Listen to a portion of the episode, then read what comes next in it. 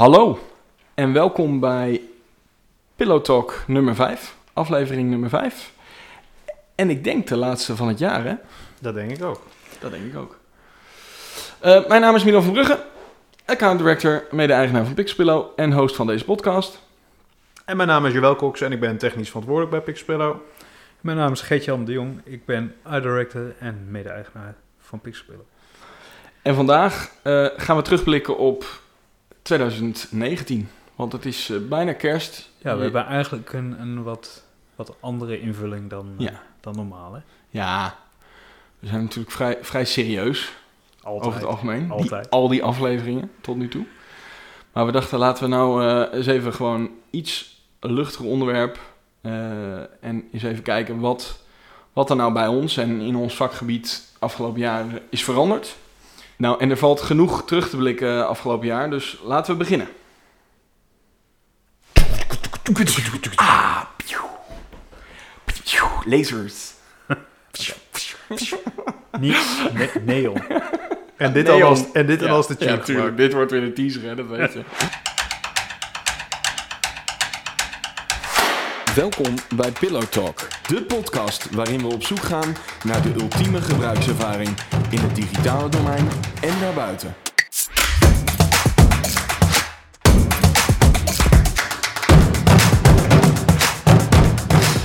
Oké, eh, het hele jaar zijn we natuurlijk doorlopend bezig met geweldige gebruikservaring ontwerpen. En daarom hebben we een fascinatie voor de vraag: wat is de ultieme gebruikservaring? Nou, gebruikservaring is een user experience, ofwel een UX. En elke podcast beginnen we met de UX fuck-up van de week. En ook dat doen we deze week iets anders. Ja, want ook wij Ja, maken wel eens foutjes. We steken de hand. we steken de hand een keertje in eigen boezem. En we gaan het later in deze podcast gaan we het, eh, ehm, gaan we het hebben over de verbouwing. Want dat was een van onze eh, grotere veranderingen van afgelopen jaar. Tijdens die verbouwing hadden we één fuck-up. En dat was al een tamelijk eh, grote fuck-up. Daar hebben Eh, mensen slecht van geslapen. Ja, Dat was in ieder geval een zichtbare fuck-up. oh, dat was echt heel erg. Nou, wie, wie wil het vertellen?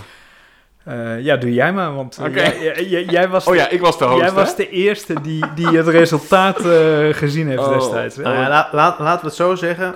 De muren die moesten geverfd worden. Oh. En ja, dat kan je natuurlijk in RAL 9001 doen. Of 9010. Zo zijn we niet. Maar dat zou te makkelijk zijn. Ja.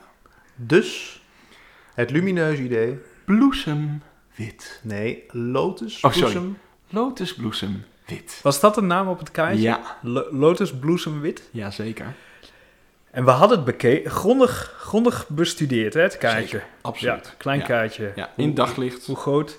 10 bij 5 of zo. Ja. In daglicht. nou, nee, niks, niks bijzonders. Leek gewoon wit, hè? Jawel? Ja, met een vleugje Leek, roze. leek, leek, leek vrij wit.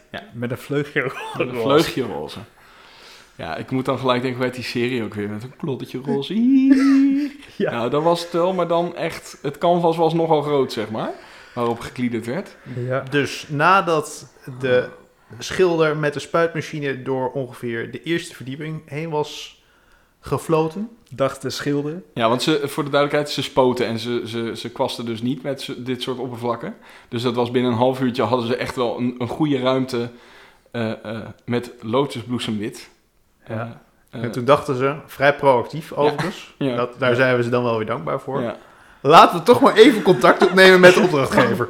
Even kijken of deze stoere jongens wel echt dit babyroze op hun muur willen hebben. Kauwgombal. Oh, het was vreselijk. Nee, ik heb, er echt, ik heb daar echt... Nou, ik, de- we hebben eigenlijk niet eens... Ik weet nog dat ik Gert-Jan eh, eh, eh, belde.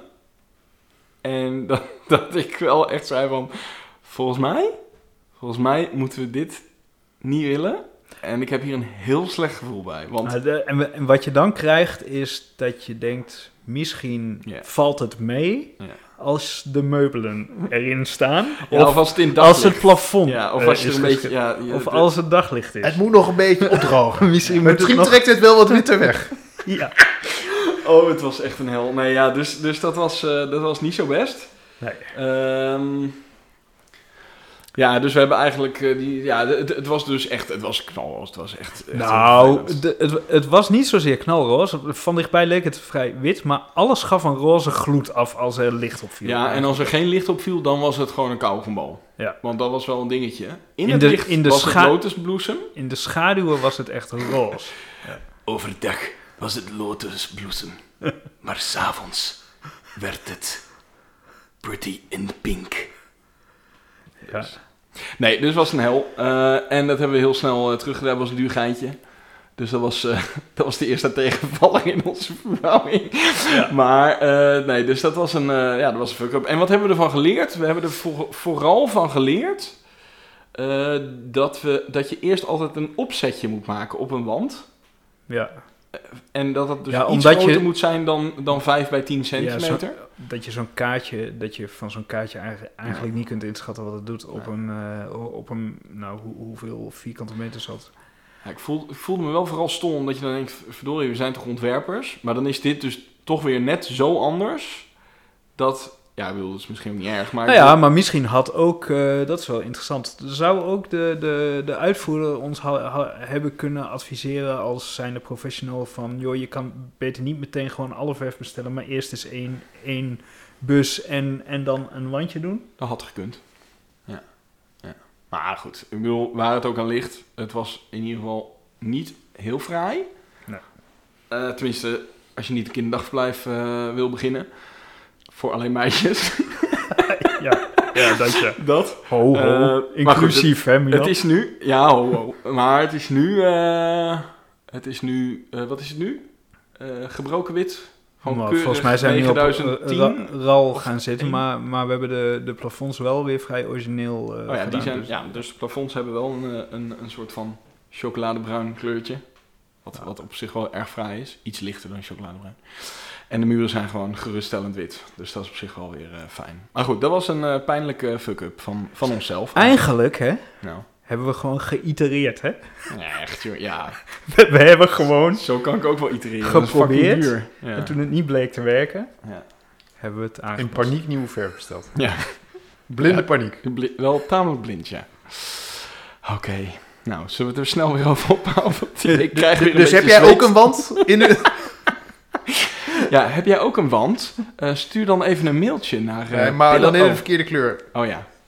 Ja, dan moet je een schilder bellen. Ik weet niet wat je dan bij ons moet. Maar zoek het, zoek het dan even lekker uit. Ehm, nou, ik ga niet, ik ga niet oproepen om... eh, eh, als je een wand verkeerd hebt geschilderd, ons een bericht te sturen. Maar als je een goede of slechte ervaring hebt... dan mag je die natuurlijk wel met ons delen... eh, zodat we die in het nieuwe jaar eh, kunnen behandelen. En dat mag dan naar pillowtalk.pixelpillow.nl, een mailtje eh, of volg ons op Instagram, @pillowtalk de podcast. En als je ons volgt, dan eh, kun je natuurlijk eh, daar ook even een bericht sturen. Hey, over naar de orde van de dag. Want we, hebben, we gaan terugblikken op het afgelopen jaar. En dat doen we uiteraard met een aantal stellingen. Die, die dus iets luchtiger zijn dan normaal gesproken. En de eerste haakt natuurlijk ontzettend in op waar we het net over hadden, namelijk de verhuizing. En de stelling is: verhuizen Sorry. Verhuizen is een eitje. Nou, ik hou even mijn mond. Ja, en Milan houdt zijn mond omdat Milan eh, heeft zich eh, vooral met eh, het proces bemoeid. En die is er nu nog moe van. Ja. Denk ik, Was toch? heel, was heel agile. Ja. Ja, iets te agile. Er waren iets te veel momenten dat er bijgestuurd eh, moest worden. Nou, ik denk, ik denk in de basis... We waren eh, echt ruim van tevoren begonnen Mm. met gewoon het op zoek gaan naar een nieuwe plek. Want het was zo, we hadden de, de waar wij zaten aan de Westerlaan.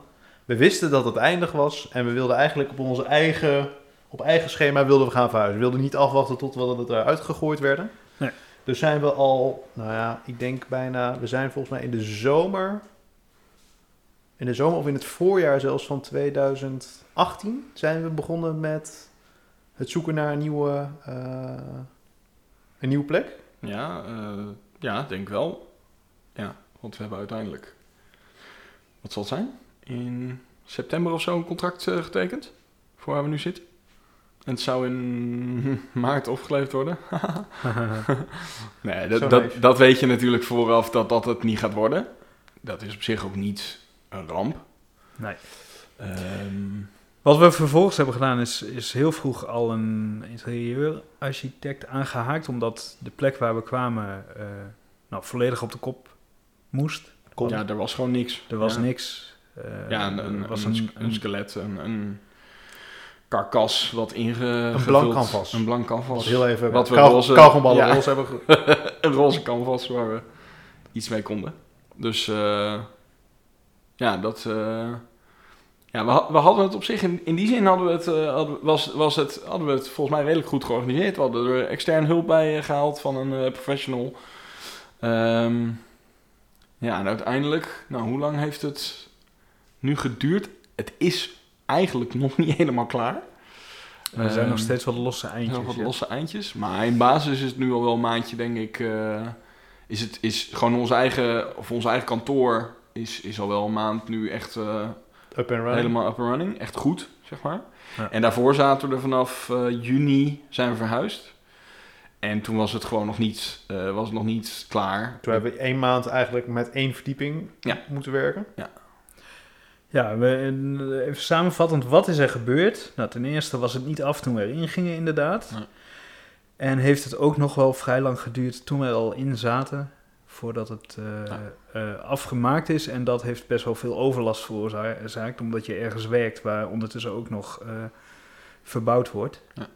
En eh, nou, dat levert geluidsoverlast op, stof, eh, smerigheid, dingen die niet werken. Eh, delen van het pand die je nog niet kunt gebruiken, zodat je daar allemaal eh, op moet improviseren. Dat is het, denk ik een beetje in een notendop. Ja, en daar zaten wel echt een heleboel eh, zaken bij die moeilijk Grond, aan iemand te, ja, aan te wijden zijn. Dus eh, lekkages die op moeten drogen. eh, dingen die buiten het toedoen van iedereen die er ook maar wat aan kan doen. Ja, veel overmacht. Ja, ik. veel, veel overmacht. Ja. Eh, waar je natuurlijk wel nou ja, tijd voor... Nou, het is ook een oud pand natuurlijk. En dat heeft er denk ik ook iets mee te maken. Het is geen nieuwbouw. Nee. Ehm, Maar charme. Ja, charme. En, Nou, en dan kom je dingen tegen die niet voorzien zijn. Nou, dat de- komt maar, maar ik bedoel, dit is dan het, het wat minder positieve stukje van de verhuizing. Maar we, we blikken natuurlijk terug op de verhuizing. En ik bedoel, het heeft ons natuurlijk eh, los van sla- slapeloze nachten en eh, dr- dromen, nachtmerries over roze muren, heeft ons ook een heleboel goeds opgeleverd. Namelijk dat we nu een plek hebben waar we nou ja, de, de filosofie die we, die we aanhangen, namelijk dat we gewoon rust in de tent willen hebben en dat we Ehm, nou ja, dat, dat, dat je soms in nou ja, de, de, tussen de mensen wil zitten, maar soms eh, je ook wel even wil kunnen, kunnen afzonderen. Dat, dat kon eerder niet en dat kan nu wel. Ja, en ik denk ook wel, dat vind ik heel, eh, eh, heel leuk dat we dat in het begin gedaan hebben. Dat was een, een, een set van functionele eisen wat we nodig hebben. En eh, volgens mij is daar het uitgangspunt vooral in geweest dat we een plek wilden hebben waar we zelf heel prettig konden werken. Dus dat, Ja. klinkt, dat klinkt misschien een beetje raar, maar je kan natuurlijk een, een kantoor kan je inrichten voor bijvoorbeeld met, met als prioriteit als de bezoek komt, dan moet dat heel goed gemanaged worden. Maar in de basis was het een plek waar we gewoon lekker ons werk kunnen doen op, nou ja, op, op hoe je dan die dag wil werken. Ja. En ik denk dat dat wel heel sterk is geweest. Ja, we hebben, we hebben volgens mij vooral gekeken naar eh, eh, hoe, hoe werken wij. Inderdaad, welke, welke processen. De, de- dus je hebt, eh, soms werk je alleen, soms werk je in een groep. Soms werk je in een groep met een klant, soms werk je in een groep intern. En daar hebben we geprobeerd die behoeftes functioneel in het pand allemaal in te vullen, zodat we dat nu kunnen doen. Ja. En, en daarbij, en dat is eh, ja, wat Milan al aangaf, is het belangrijk dat je dat kunt doen zonder anderen te storen. Ja. Dus dat de mensen die wel ehm, eh, aan het werk zijn en zich moeten concentreren, dat die eh, niet gestoord wordt door de mensen die bijvoorbeeld een overleg of een brainstorm of, of, of iets dergelijks hebben. Ja, en een grote bron van inspiratie, dat was het, het boek van eh Cal Newport. Ja, die eh, diep werk, deep work heet het denk ik. Ja. Ja, daar stond eh, als voorbeeld een, een, een gebouw in waarbij je, als je binnenkomt, waarbij het bruisend is en naarmate je verder in het gebouw komt, steeds meer bibliotheekachtig wordt, steeds rustiger en stiller. Dus je begint so- sociaal met, met interactie tussen mensen en eh, naarmate je ver- dieper in het gebouw komt, eh, kun je beter concentreren en solitair werken. Ja. En dat hebben we hier ook geprobeerd. En dat eh, merken we nu al dat dat heel goed werkt. En dat mensen ook echt die plekken opzoeken op het moment dat ze een andere behoefte hebben. Ja, en, en even voor mensen die niet een beeld hebben bij wat voor pand en waar wij zitten. Misschien leuk om even een soort van eh, te omschrijven. Audiotour. Nou ja, een soort, ja, wel een beetje. Ik bedoel, we Ja. zitten in Zwolle. We zitten op een, nou ja, vinden we zelf een hele mooie plek. Nou, dat vinden denk ik wel meer mensen. Maar je hebt, eh, in Zwolle heb je de gracht. Ehm, eh, dus we zitten op stand aan de gracht. Eh, en dat is een hele fijne plek. Een mooi monumentaal oud pand. Van binnen dus helemaal nieuw en modern ingericht. En wat het fijne is... Op loopafstand van het station. Op loopafstand van het station. Dat is een hele belangrijke eis eh, voor ons, omdat veel van onze medewerkers eh, met openbaar vervoer komen. En wat eigenlijk heel prettig is, is dat als je binnenkomt in ons kantoor, dan heb je een entree. En dan kun je naar links. En dan heb je een, de, de voorkamer, noemen we dat. Een beetje de, Formele. het formelere stuk. Een, een mooie, mooie vergaderruimte waar je met eh, nou, een stuk of 10, 12 mensen wel eh, zou kunnen zitten. Eh, en wat daar heel prettig aan is, is dat je ook als, als bijvoorbeeld we een gesprek met iemand hebben die, nou ja, die, die een potentiële klant of wat dan ook. Je hoeft niet de hele ruimte door om, eh, je hoeft andere mensen zeg maar niet te storen. eh, collega's niet te storen. Dus je kan gewoon linksaf op die kamer in. Eh, je kan mensen wel even, want het is allemaal open, dus je kan naar rechts kijken als je binnenkomt en dan zie je gewoon iedereen aan het werk. Je hebt, wel, je hebt gelijk wel een idee van bij wat voor bedrijf je binnenkomt. Ja. Ja, het is niet allemaal pot- Zonder dat je... Maar er zit letterlijk een drempel, Ja, eh, waardoor je niet daar zomaar even binnenloopt. Dus het is een hele grote doorgang die naar rechts gaat de ruimte in. En daar hebben we dan twaalf werkplekken waar mensen eh, gewoon bij elkaar kunnen zitten. Eh, maar links kun je gewoon vergaderen en nou, stoor je je collega's niet. Nou, en als je vervolgens dan naar, achteren, naar rechts loopt en je loopt de ruimte door, dan kom je bij, aan, het achter, aan de achterkant van het pand bij een trap naar beneden. En daar hebben we dan vier eh, eh, werkplekken waar je echt wel even met, met tussenschotten eh, echt in een soort cubicles zitten. Nou, dat is voor zometeen nog even een bruggetje. En dan hebben we de keuken, een soort van... hoorde ik daar nou een telefoon? Ik kan me niet voorstellen. Ik kan me ook niet voorstellen. Ik denk dat het aan de kant van de luisteraar was. Ehm, maar in ieder geval, dan kom je beneden, heb je keuken, heb je een soort ontspanruimte, waar wij nu overigens eh, zitten, op een bank te chillen. En eh, nog een kantoor voor twee, eh, drie personen, waar je eh, echt een deur dicht kan trekken en echt even helemaal kan, kan afzonderen. En het leuke daaraan is, het is dus niet alleen hoe verder je het pand zeg maar komt, hoe rustiger het wordt, maar ook eigenlijk hoe van formeel naar minder formeel het zeg maar eigenlijk gaat. Dus op het moment dat Ja. je een klant zeg maar nog niet zo goed kent, dan heb je natuurlijk een iets meer een formele gesprek dan een klant waar je al jaren mee bezig bent. En daar kan je ook rustig eh, mee in, eh, in eh, de iets informelere ruimtes gaan brainstormen. En die kan je wel gewoon op de, op de banken hier parkeren. Maar op het moment dat het nog niet is, dan... Dus het is niet alleen zeg maar geluid of concentratie, maar het is ook hoe, hoe dieper je het kantoor binnenkomt, hoe meer het ook echt voor ons, voor, Ja, ja, ja. voor intimie, zeg maar. Ja. En het is heel prettig, want je merkt dat de, die trap naar beneden waar ik het net over had, dat is eigenlijk een. Er is gewoon een stuk uit de verdieping gezaagd, zeg maar, waar die trap in zit. Eh, en dat zorgt er ook voor dat als je beneden in die, eh, eh, zeg maar even tussen aanhalingstekens, cubicles zit, dat je nog wel alles hoort wat er boven gebeurt, maar je daar, omdat je niet, eh, omdat mensen je niet zien, spreken mensen je ook minder snel aan en kun je daar veel rustiger werken. En dat, eh, dat is heel prettig. Dus eigenlijk kun je zeggen voor, nou, de meeste fases van hoe druk je bent. Of er is wel een soort van plek in ons kantoor waar je nou ja, op dat moment eh, lekker kan werken. En misschien is dat trouwens ook wel een leuk bruggetje naar de tweede stelling. En dat is, dat cubicles het helemaal worden in 2020. We hebben Ze zijn terug. nou, misschien moeten we dat een beetje, een beetje, een beetje Ja. toelichten. Want, Ja, want die hele filosofie van dat, dat, eh, nou, dat, je- dat je voor iedere. ehm, nou ja, dat je, dat je, dat je, dat, je die, eh, dat rumoer, maar ook in stilte kunnen werken, wil faciliteren. Dat, dat zit dus heel erg in hoe we dat eh, voor ons zien, in onze visie op hoe je hier wil werken. En een cubicle eh, klinkt een beetje, een beetje ouderwets. En dan denk je aan, zo'n, aan The Office of een Amerikaanse. Ja, eh, cubicles hebben een heel eh, slechte naam, Ja. natuurlijk. Beetje En, hetzelfde als de slechte naam van de 9 tot 5 mentaliteit. Ja.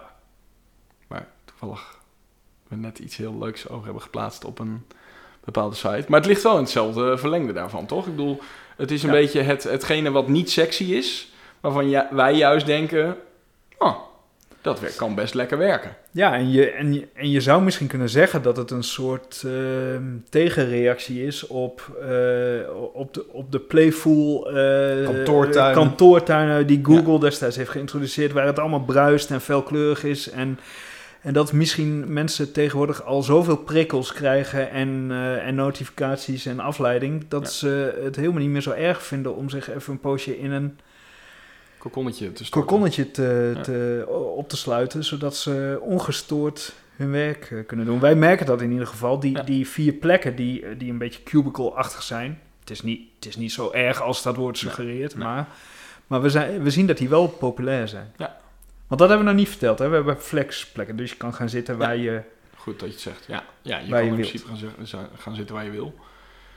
Ja, en wat ik, wat ik zelf heel erg merk aan die, eh, eh, aan die cubicles, eh, aan die stilteplekken, is dat ik, ik heb daar echt, ik ben van nature nogal, nou, en, en nu zie ik twee hoofden die zich ontzettend aan het inhouden zijn om niet in, in lachen uit te barsten, maar ik kan wat chaotisch en, en nou ja, druk, weet ik niet, Luidruchtig zo. Luidruchtig? Ja, ik werd vroeger altijd een marktkoopman genoemd. Zal wel liever niks zijn. Nee, maar ik heb, daar, eh, ik heb daar wel een handje van. En ik- wat ik heel erg merk is dat ik, als ik een dag op die plek beneden heb gezeten, dat ik daar de rest van de week ook nou ja, profijt van heb. En dus jullie ook. Ja, ja. ah. Maar dat, is wel, dat werkt voor mij heel goed. Dan, heb ik echt even, dan kom ik echt even terug. Eh, ja, dan heb ik gewoon een hele productieve dag. Dus de maandag is daar goed voor. Nou ja, voor mij wel in ieder De, geval. de, Ja. we- de week meteen... eh, Nou ja, voor sommige mensen vinden het misschien juist prettig om, eh, om, om... En het verschilt ook per week, ook voor mij hoor. Ik bedoel, soms wil je juist even met collega's sparren en doen. En dan, dan ga ik op dinsdag woensdag daar een keertje zitten. Ja. Maar het, wer- ja, het werkt op meerdere manieren, werkt, vind ik het heel erg prettig werken. En ik denk, ik denk wel echt dat je hoort best wel veel eh, mensen over, ja, flexwerken, dat is toch helemaal niks. En die kantoortuinen en zo.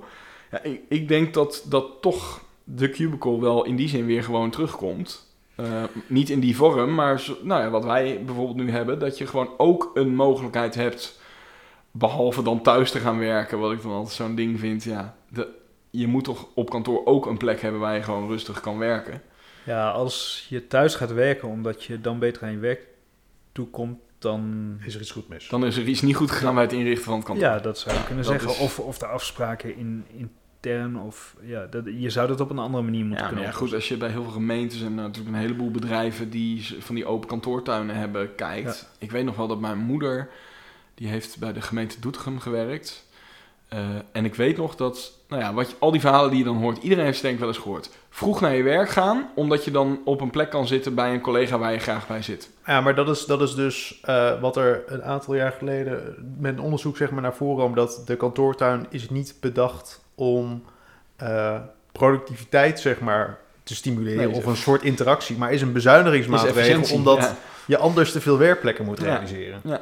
Kijk, en bij ons is het uitgangspunt dat we mensen de mogelijkheid willen geven om die dag te werken zoals ze willen werken. Ja. En bedoel, wij hebben, eh, eh, ik hoe zeg het goed, volgens mij hebben we in totaal 18 werkplekken in totaal. ja, 18 en 10 mensen. ja. Maar kijk, het idee is natuurlijk niet om die 18, zeg maar, op het moment dat we hier met 18 mensen moeten zitten, dan klopt het dus al niet meer. Nee. Er moet zeg maar ruimte zijn om dus 's ochtends op de ene plek te zitten en 's ochtends boven. Als je het heel Ja. hard zegt, Ja. dan 12 mensen tegelijkertijd is eigenlijk wel een beetje Is al zoeken. i- i- de max, zeg maar, wat comfortabel Dus in je deze opstelling kan. Dus je hebt marge nodig. Zoals, Ja. zoals met alles. Hebben we alweer een onderwerp voor een volgende podcast? Maar eh, de, wat ik me nog wel afvroeg eh, was ehm, het andere uiterste, namelijk allemaal hokjes.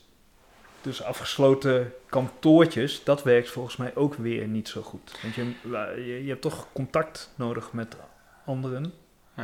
Hoe noemen, ze, hoe noemen ze dat ook in het Engels? Serendipity? Dat je, Seren- serendipity. serendipity, dat je inderdaad de toevalligheid of de... Elkaar tegenkomen. Nou, ik heb bij, bij Clockwork, waar ik hier in Zwolle waar ik heb gewerkt, hadden we inderdaad eh, ook verschillende kantoor, kantoortjes, kantoren. eh, sommige eh, ruimtes waren voor zes, acht man en sommige waren voor twee, vier man. Vrouwen mocht ook, maar het waren wel vooral mannen. Ehm, en dat was, eh, dat was op zich, vond ik dat wel prettig, want dan had je de, de luidruchtige designers, dat waren dan toevallig wel een beetje hetzelfde type mensen allemaal. Tenminste, wel, wel veel, zeg maar. Dat ging gewoon goed samen. En dat zat dan in één hok. En dan had je twee, ehm, twee interactieontwerpers. Nou, ik, ik, hoop, ik, ik weet niet of Ivo, Ivo, Ivo luistert. Ivo Bosma. Een van mijn oud-collega's.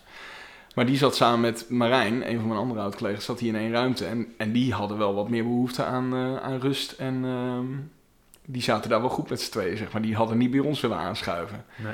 Dus het, zijn, het is ook een beetje... Daar ging dat goed, omdat het type mens dat in een bepaald vakgebied eh, zat, eh, bij elkaar zat. En dan ook in... Ja, dat, dat ging vanzelf zo goed, zeg maar. Dat vormde zich wel. Dus als je gewoon verschillende formaten kantoren hebt... eh, Dan zou het daar- ook kunnen. En daar zat trouwens, dat is wel de overeenkomst, daar zat ook marge in. Daar zat ook niet elk kantoor Maar, helemaal maar was het daar zo, ik vind, ik vind dat toch wel interessant, was het daar dan zo dat als Ivo eh, op een ochtend dacht, ik wil toch eh, bij de eh, designers eh, zitten, kon die daar dan een bureau pakken of, of had iedereen Dat wel had wel gekund, zijn maar dat was niet echt de bedoeling. Nee. nee dat was wel gescheiden. Ja, Ja. maar ik, ja, ik zie toch wel heel veel waarde in dat je dan toevallig een keer iets meekrijgt. Of dat, er, Ja. dat je toevallig naast die collega zit die je die dag nodig Ja. bent. Of dat je daar mee wil schakelen. Ja. Ik merk heel vaak dat ik dan, dat ik dan eh, naast iemand zit en dat, oh, ja, jij zit nu naast me. Dan kan ik jou daar even voor vragen. Terwijl je dat anders misschien niet zo snel zou doen. En nou ja, dat, dat, dat waardeer ik wel zeg maar heel erg aan eh, eh, het flexen. Ja. Op die manier, op, de, dus eigenlijk de, de goede dingen van... Ja. en daar hebben we ook bij de inrichting van het pand naar, naar gekeken dat... eh, ja, hoe, hoe noemden ze dat destijds? De kwaliteit van de werkplekken, dat die eh, overal goed is. Ja. Dus eh, voldoende privacy. En bedoel, het is natuurlijk niet allemaal hetzelfde. ja, dat je Maar niet- dat je, dat, je, dat je niet zeg maar de, de, de echt de hele crapplekken hebt en... eh, Nee, er zijn maar weinig echt. Natuurlijk, iedereen heeft voorkeur voor een bepaalde. Er zijn bepaalde eh, plekken hier in het pand die natuurlijk echt wel voorkeur hebben. Die gewoon net iets fijner zijn, omdat je net niet in je scherm gekeken wordt of dat soort dingen. Maar over het algemeen zijn het allemaal wel volwaardige, kwalitatieve werkplekken. Ehm, Oké, maar terugkomend op de stelling. Eh, eigenlijk zijn cubicles helemaal de shit. En wordt het dat helemaal in 2020. Maar dan moet het wel voldoende marge zijn om ook een keer op een andere plek te gaan zitten. Dat is eigenlijk, het, denk ik, misschien wel de conclusie uit deze stelling. Dat, dat flexwerken heel fijn is, maar dat het niet heel fijn is als je er om zes uur je bed uit moet, voor moet, omdat je anders geen plekje meer hebt. Nee. Ja, en- eigenlijk en moet het zo wel- zijn dat je je dag zelf kunt vormgeven. En als, je, en als er te weinig plekken zijn en, en je hebt geen optie, Nee. dan wordt het heel vervelend, denk ik. Ja. Ja. Oké. Oké. Nou, eh, andere stelling. Eh, dit was natuurlijk ook het jaar dat we, dat we hebben het in de, een van de vorige podcasts over eh, design thinking onder andere al, al over gehad. Onze nieuwe werkwijze. En daar komt deze stelling uit voort. Namelijk, component-based werken, in zowel design als techniek, is de toekomst. eerst even... Wat is component-based werken? Joël. Joël. Oké. Ik ga even koffie halen. grapje, grapje, grapje, grapje. Nee, wat, wat, wat we natuurlijk... Wat eigenlijk altijd, altijd al heel goed in ons systeem zat, is dat wij, de- dat wij heel erg eh, eh, denken in systemen. Dus op het moment dat wij iets ontwerpen of iets bedenken, dan denken wij al heel goed. Ik denk meer dan heel veel andere partijen denken wel heel goed naar... oké, hoe kunnen we dit hergebruiken? Hoe kunnen we dat hier toepassen? Hoe kunnen we het maximale uit een stukje functionaliteit... een stukje gekaderde functionaliteit halen? En dat zat eigenlijk... eh, nou, door dat systeemdenken zat dat al heel erg verankerd in hoe wij, ehm, hoe wij dingen bedachten. Maar dat werd niet afgedwongen anders dan door onze eigen discipline. En de afgelopen paar jaar zijn er eigenlijk, is er een soort tendens geweest, of in ieder geval de technische mogelijkheid ontstaan, om zowel al in ontwerp en in techniek meer te denken in hele mooie afgekaderde stukjes functionaliteit. Dus een voorbeeld daarvan is eh, bijvoorbeeld een, eh, eh, een FAQ-module of iets waar je veelgestelde vragen in kan terugkijken. Dus puur een vraag, een, een button ernaast om iets uit te klappen, zoiets. Mhm. En zoals gezegd, afgelopen jaar zijn daar steeds meer mogelijkheden in geworden. Nou, als je misschien ooit een keer in een eh, grafisch, grafisch programma hebt gewerkt, zoals eh, ik noem maar even wat Photoshop, dan kan je daar heel mooi kan je daar, eh, iets in maken. Maar de afgelopen periode is het mogelijk geworden om bijvoorbeeld in het grafisch programma wat wij werken, in Sketch, om daar Ja. ook slim mee om te gaan. Dus herhalende stukjes functionaliteit te kunnen configureren. En, en dat, dat deden we eigenlijk al natuurlijk eh, qua ontwerp. Ja. Alleen misschien iets minder strak dan, eh, dan we altijd zouden willen. En in techniek deden we het al, alleen was het vaak onze eigen discipline die daarin eh, leidend was. Op een gegeven moment, ja, dan neem je misschien een keer een, een kortere route en dan ga je even buiten het component om. Maar afgelopen jaar hebben we eigenlijk omarmd, zowel op ontwerp op techniek, om heel erg na te denken en onze werkwijze aan te passen op juist het maken van die hele mooie afgekaderde stukjes functionaliteit. eh, en die op meerdere plekken in te kunnen zetten. Ja, ik, ik heb daar... Ik bedoel, jullie zijn natuurlijk vanuit design en techniek daar heel intensief al mee bezig geweest. En ik heb daar toch iets meer vanaf de zijlijn eh, naar gekeken. En, en ik vind het wel heel gaaf om te zien dat we nu met eh, Storybook... eh, ehm, dan moet je zo maar even uitleggen wat het is. Maar eh, dat, dat je daarin eigenlijk die hele blokkendoos... die je dan vervolgens aan het bouwen bent... eerst in design en dat vertaalt naar techniek... Ja, dat je dat systeem ook echt daarin eh, tot leven ziet komen, zeg maar. En dat je echt, we hadden het altijd al wel over een blokkendoos, maar dat was dan toch nog iets wat dan ergens stond. In abstracto. in abstracto ergens, ergens was en, en niet altijd op dezelfde manier. En je merkt nu dat dat gewoon, eh, het voelt zoveel meer solide dan, eh, dan hoe we dat eh, in het verleden, ja, ik denk met de hele wereld deden hoor. Want wij waren natuurlijk, wij liepen daarin niet, volgens mij niet hopeloos achter. Maar het is meer dat dat meegaan is met nou ja, de, de ontwikkelingen die daar zijn. Ja, het Maar- is heel zichtbaar nu. Het, Ja, het is, heel heel visueel geworden. Ja. Ehm, en dat is... ehm, de, de, de, de interactie daarmee tussen ontwerp en development is daarmee ook intensiever geworden. Ja. Dat vind ik er heel fijn eh, aan vanuit ontwerp. Dat we hoeven nu eigenlijk niet meer te wachten tot bijna de hele applicatie of site gebouwd is voordat we kunnen zien eh, wat het wordt. Ja.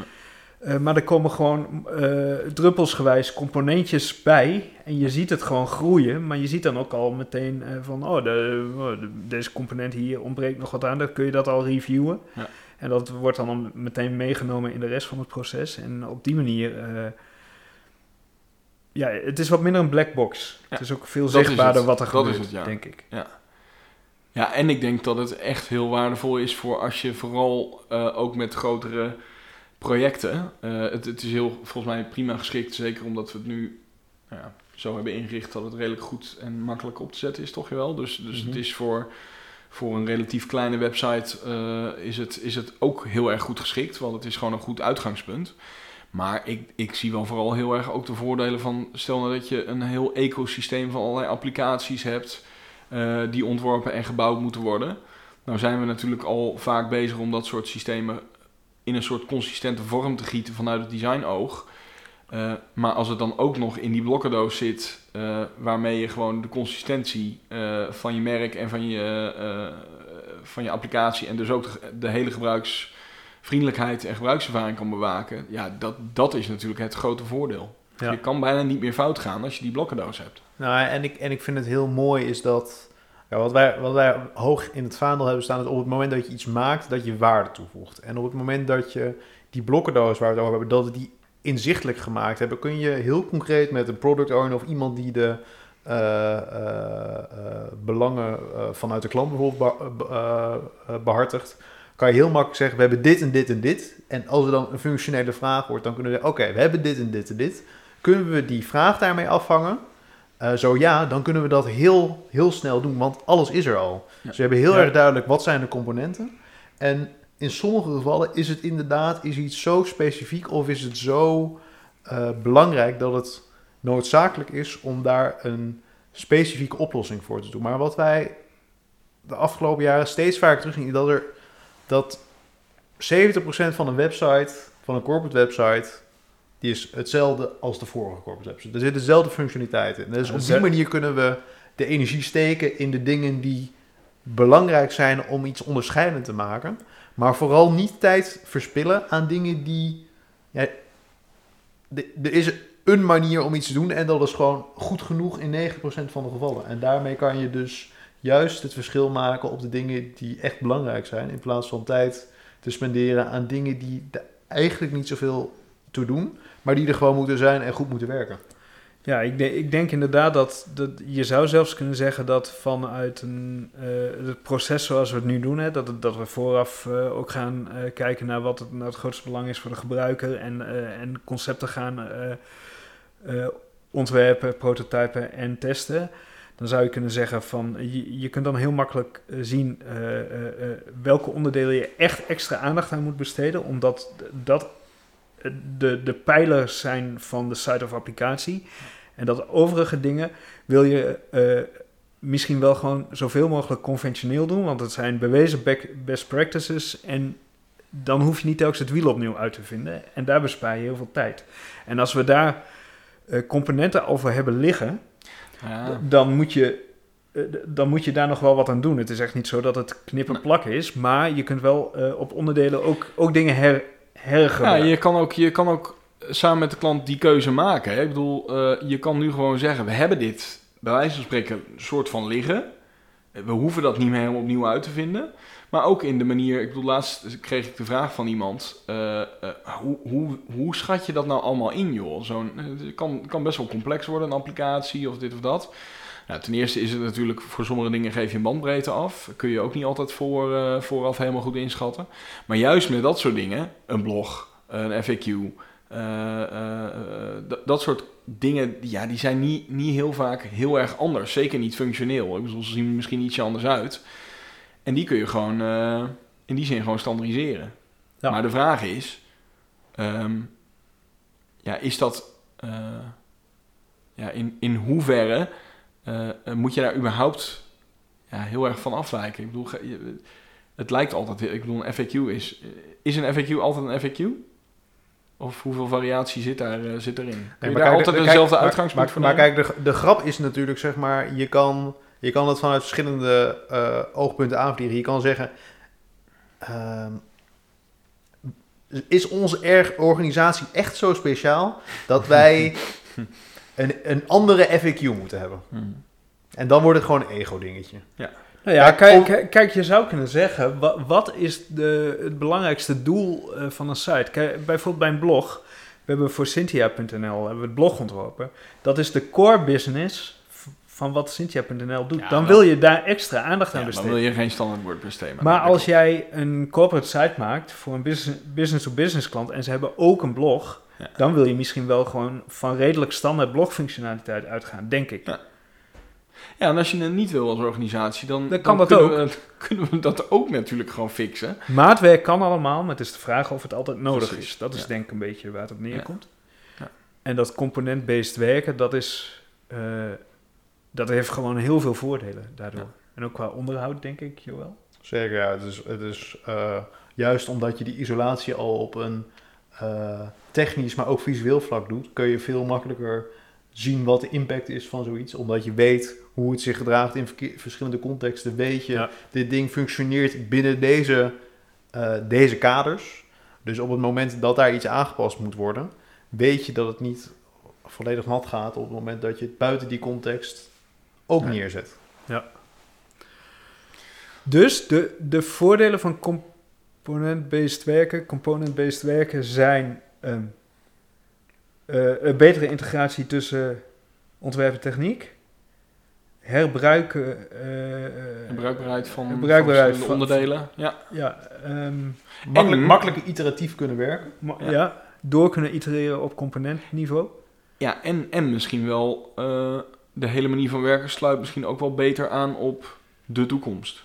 Ik bedoel, het is duurzamer omdat je, omdat je al vanuit een systeem denkt. Ja, want dat hebben we nog niet gezegd. Hè. We Nee. zien een soort eh, eh, tendens dat, dat misschien op een dag ontwerp en Ja, kan- frontend wel, wel veel meer eh, gaat integreren. Nou ja, in ieder geval, kijk, ja, ik weet, maar het is, het is heel erg mijn, mijn, het is ook niet op basis van dat ik er heel veel boeken over heb gelezen. Want ik lees geen boeken. Ah, nee, dat was We hebben zo. we hebben er al een niet over Hij is twee, twee afleveringen is hij er niet in geweest. Nee. Maar ik dacht, ik gooi hem nog even in. Oh, en ik zie eh, de meter weer uitslaan eh, trouwens eh, Oh bij die lach. Sorry. Maar, ehm, nee, maar ik bedoel, het, ik kan me best voorstellen dat er dat op een gegeven moment ja, frontend. Wat is, ja, dit is niet lullig bedoeld richting onze mensen die frontend doen. Maar ik bedoel, frontend is het vertalen van een ontwerp naar techniek. Ehm, ja, en, maar ja, front-end, back-end. Ik denk gewoon dat techniek op een dag eh, voor een groot deel gewoon... eh, ehm, Kan ik eigenlijk op vakantie. Geen, geen, ja, kun je eigenlijk op vakantie. Geen codekloppen meer is, maar dat het gewoon eh, systemen zijn die je soort van in elkaar klikt. Als wij nu kunnen bedenken dat een FAQ standaard op een bepaalde manier moet werken, dan, ja, dan is dat... Ja, wat je eigenlijk ziet, Dat gaat een keer gebeuren. Dat gaat je, gebeuren. je- je ziet uh, als je heel vaak dezelfde patroon aan het volgen bent, dan, dan, dan weet je natuurlijk dat dat op een dag... Dat een computer dat ook misschien wel zou kunnen. Frontend En- AI. En, en zie daarom onze propositie ontwerpen.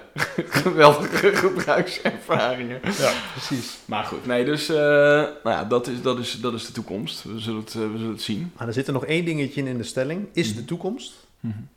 Maar is natuurlijk ook wel gewoon Het is ook de present. De present. The present. Het, het is al zover. En over Ja. presents gesproken? Nee, grapje. Ehm nee, maar ik bedoel, wij, wij werken er nu al mee. Eh, Er zijn, zijn ongetwijfeld, ja, ik bedoel, er zijn meer, eh, meer bureaus die op deze manier eh, zullen werken. Ehm, maar ik ja, kan me niet voorstellen dat we hier nog weer een keertje van afstappen. In ieder geval het principe van component-based Voor, is... voorlopig niet. Nee. En jij zegt dat er, er zijn een heleboel bureaus die dit al doen. Maar volgens mij zijn er een stuk minder die het, die het toepassen in een eh, corporate website omgeving. Ja. Dus er zijn heel veel organisaties die hiermee bezig zijn op applicatieniveau. Maar ik zie heel weinig langskomen van eh, eh, organisaties die dit, die dit meer aan de voorkant zeg maar, oppakken. Dus ik denk dat daar wel goede slagen gaat maken, in aan het maken zijn. Lekker gewerkt. Fijne kerst. Ja. En tot ooit. Oh nee, we zijn nog niet klaar. Maar we zitten trouwens, jongens. ja, we moeten even door. Oh, echt. Tempo. We gaan weer... Zie ik nou? Ik zie gewoon 50 minuten op mijn klokje staan. Ja, je gooit er een kwartje in. Ja. Ik dacht, we doen even een luchtige aflevering. Lekker een beetje terugblikken. Niet te moeilijk. Gaan we weer een hele lange gesprek hebben. Het is toch ook wat. Maar wel leuk. Ehm, even kijken, de volgende stelling. Ad hoc is niet meer van deze tijd. Ja. Ja, ehm, nou ja, we hebben... Wat bedoelen we daarmee? Ja, Wat we, bedoelen we daarmee? we- nou, we hebben afgelopen jaar ons proces natuurlijk eh, op de kop gegooid, want dit was ook een terugblik naar afgelopen jaar. Ehm, nou, wat wij volgens mij al heel lang vinden, is dat ad hoc werken, en dat betekent, ehm, Ik wil morgen een flyer. ik wil, eh, precies, daar komt het eigenlijk op neer. Ja. Oh, Nu eh, bellen. Er, er is een beurs in december, die waren we een beetje vergeten en Ja. we hebben eh, dan en dan dat nodig. Eh, dat die manier van werken, die levert eigenlijk bijna nooit goede dingen op. En is de, misschien moeten we die gelijk even nuanceren. Eh, het is niet zo dat je dat nooit mag proberen, zeg maar. Maar als dat structureel je vraag is, Ja. als een klant structureel alleen maar ad hoc vragen heeft, dan kunnen we daar niet heel erg goed mee werken. Ik bedoel, natuurlijk, als er een keer iemand is van onze klanten die, die, die als ad hoc nodig heeft en je helpt iemand daarmee ontzettend uit de brand, dan ga je dat overwegen natuurlijk. Ja, tuurlijk, want iedereen vergeet wel eens wat. Precies. Eh, of schat, schat een tijdlijn verkeerd in, doen wij ook. Ja. Eh, dus dat is geen enkel probleem. Nee. Maar inderdaad, als het structureel, Structureel. is, dan gebeuren een aantal dingen. En dat is dat ehm, alles onder tijdstrik moet. Dat zo'n vraag eh, de rest van de opdrachten gaat beïnvloeden. Omdat er dan dingen verschoven moeten worden in planning. En andere dingen komen in de knel daardoor, et cetera. Eh, en dat het eh, vaak onder tijdstrik eh, moet, waardoor je eigenlijk je werk niet grondig kunt doen. Nee. Dus je bent dan eigenlijk altijd het even snel aan het doen. En onze ervaring is dat ehm, dat ko- komt als een boemerang terug.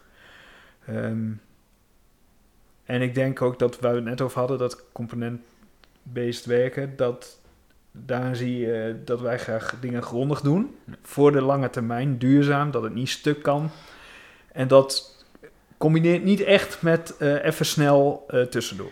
Nou, ik denk dat het ook wel de goede nuance is, zeg maar, dat, dat dit in onze, eh, ons stukje van eh, eh, de type opdrachten die wij natuurlijk graag willen doen. Ja. Hè? Want wij, wij, Ja, wij, ja. Zijn, wij, zijn, wij, zijn, wij zijn geen reclamebureau. Nee, geen campagne maken. Wij doen Ik geen ga niet genoeg benadrukken. Nee. Nee, maar Nee, wij, doen, wij, doen, wij doen zeg maar in dat opzicht eh, we- weinig tijdgevoelige opdrachten. Waar het morgen of overmorgen af moet zijn. Ja. Kijk, dat is natuurlijk zeg maar anders van er valt iets om. Dat is, maar het is niet zo dat, er, eh, dat, dat als het gepland had kunnen worden, zeg maar, dan moet het ook gepland zijn. Ja. En niet eh, omdat het de wind zo waaide of om, of om voor een andere ongefundeerde reden dat het nu opeens moet. Maar de, de stelling is, ad hoc is niet meer van deze tijd. Maar zijn er, ik bedoel, is dat, geldt dat voor ons specifieke vakgebied? En dan misschien zelfs nog wel het, het deelgebied waar wij in zitten. Zeg functionele websites en applicaties. Ik bedoel, eh, gaat het, eh, geldt dit ook voor de, de reclamejongens en meisjes? Nou, ik denk misschien wel dat het een beetje de, de tendens van deze tijd is. Maar zouden, zouden reclamebureaus en campagnebureaus ook minder ad hoc moeten gaan werken? Kan dat überhaupt? En kunnen wij daar überhaupt iets over zeggen? Vinden we onszelf... eh, nou, ik weet niet of... de- Ik wil, ik wil daar geen uitspraak over, maar ik denk dat heel veel klanten, ook die zeg maar dat soort vragen bij reclamebureaus neerleggen, dat die ook steeds beter inzien dat het misschien beter is om even een stapje terug te nemen, ook voor dat soort dingen die op de korte termijn doen, en dat het ook makkelijker... eh, En Misschien heel- kun je in die wereld nog wel meer onderscheiden met die hele visie ad hoc, niet meer en, en 9 tot 5 mentaliteit dan dat wij dat kunnen doen. Want er zijn, de, juist in de reclamewereld, zijn er heel veel eh, bureaus die, die alleen maar ad hoc werken, toch? Die, of die voor een heel groot deel ad hoc werkzaamheden doen.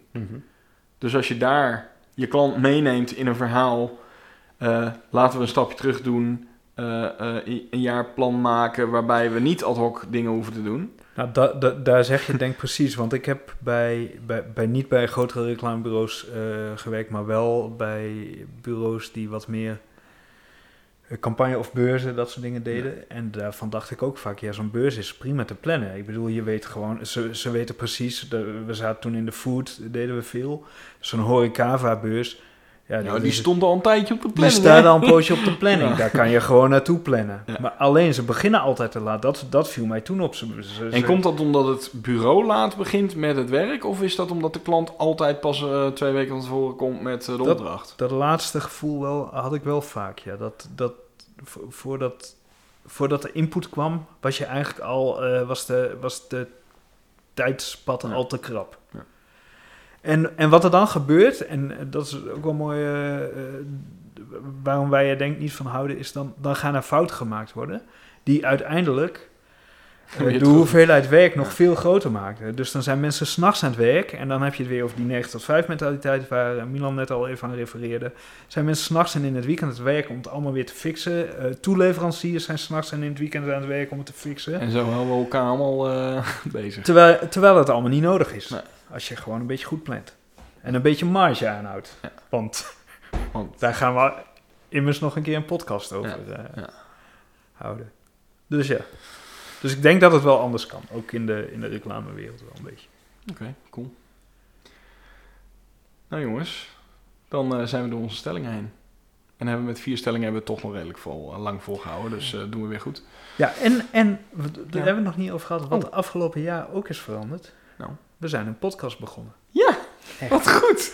Dat is inderdaad zo. Vijf Nou. afleveringen Het, eh, in ja. tien weken. Ja, dus... eh, Ik vind, ik vind, als ik dat mag zeggen, dat we het goed hebben volgehouden.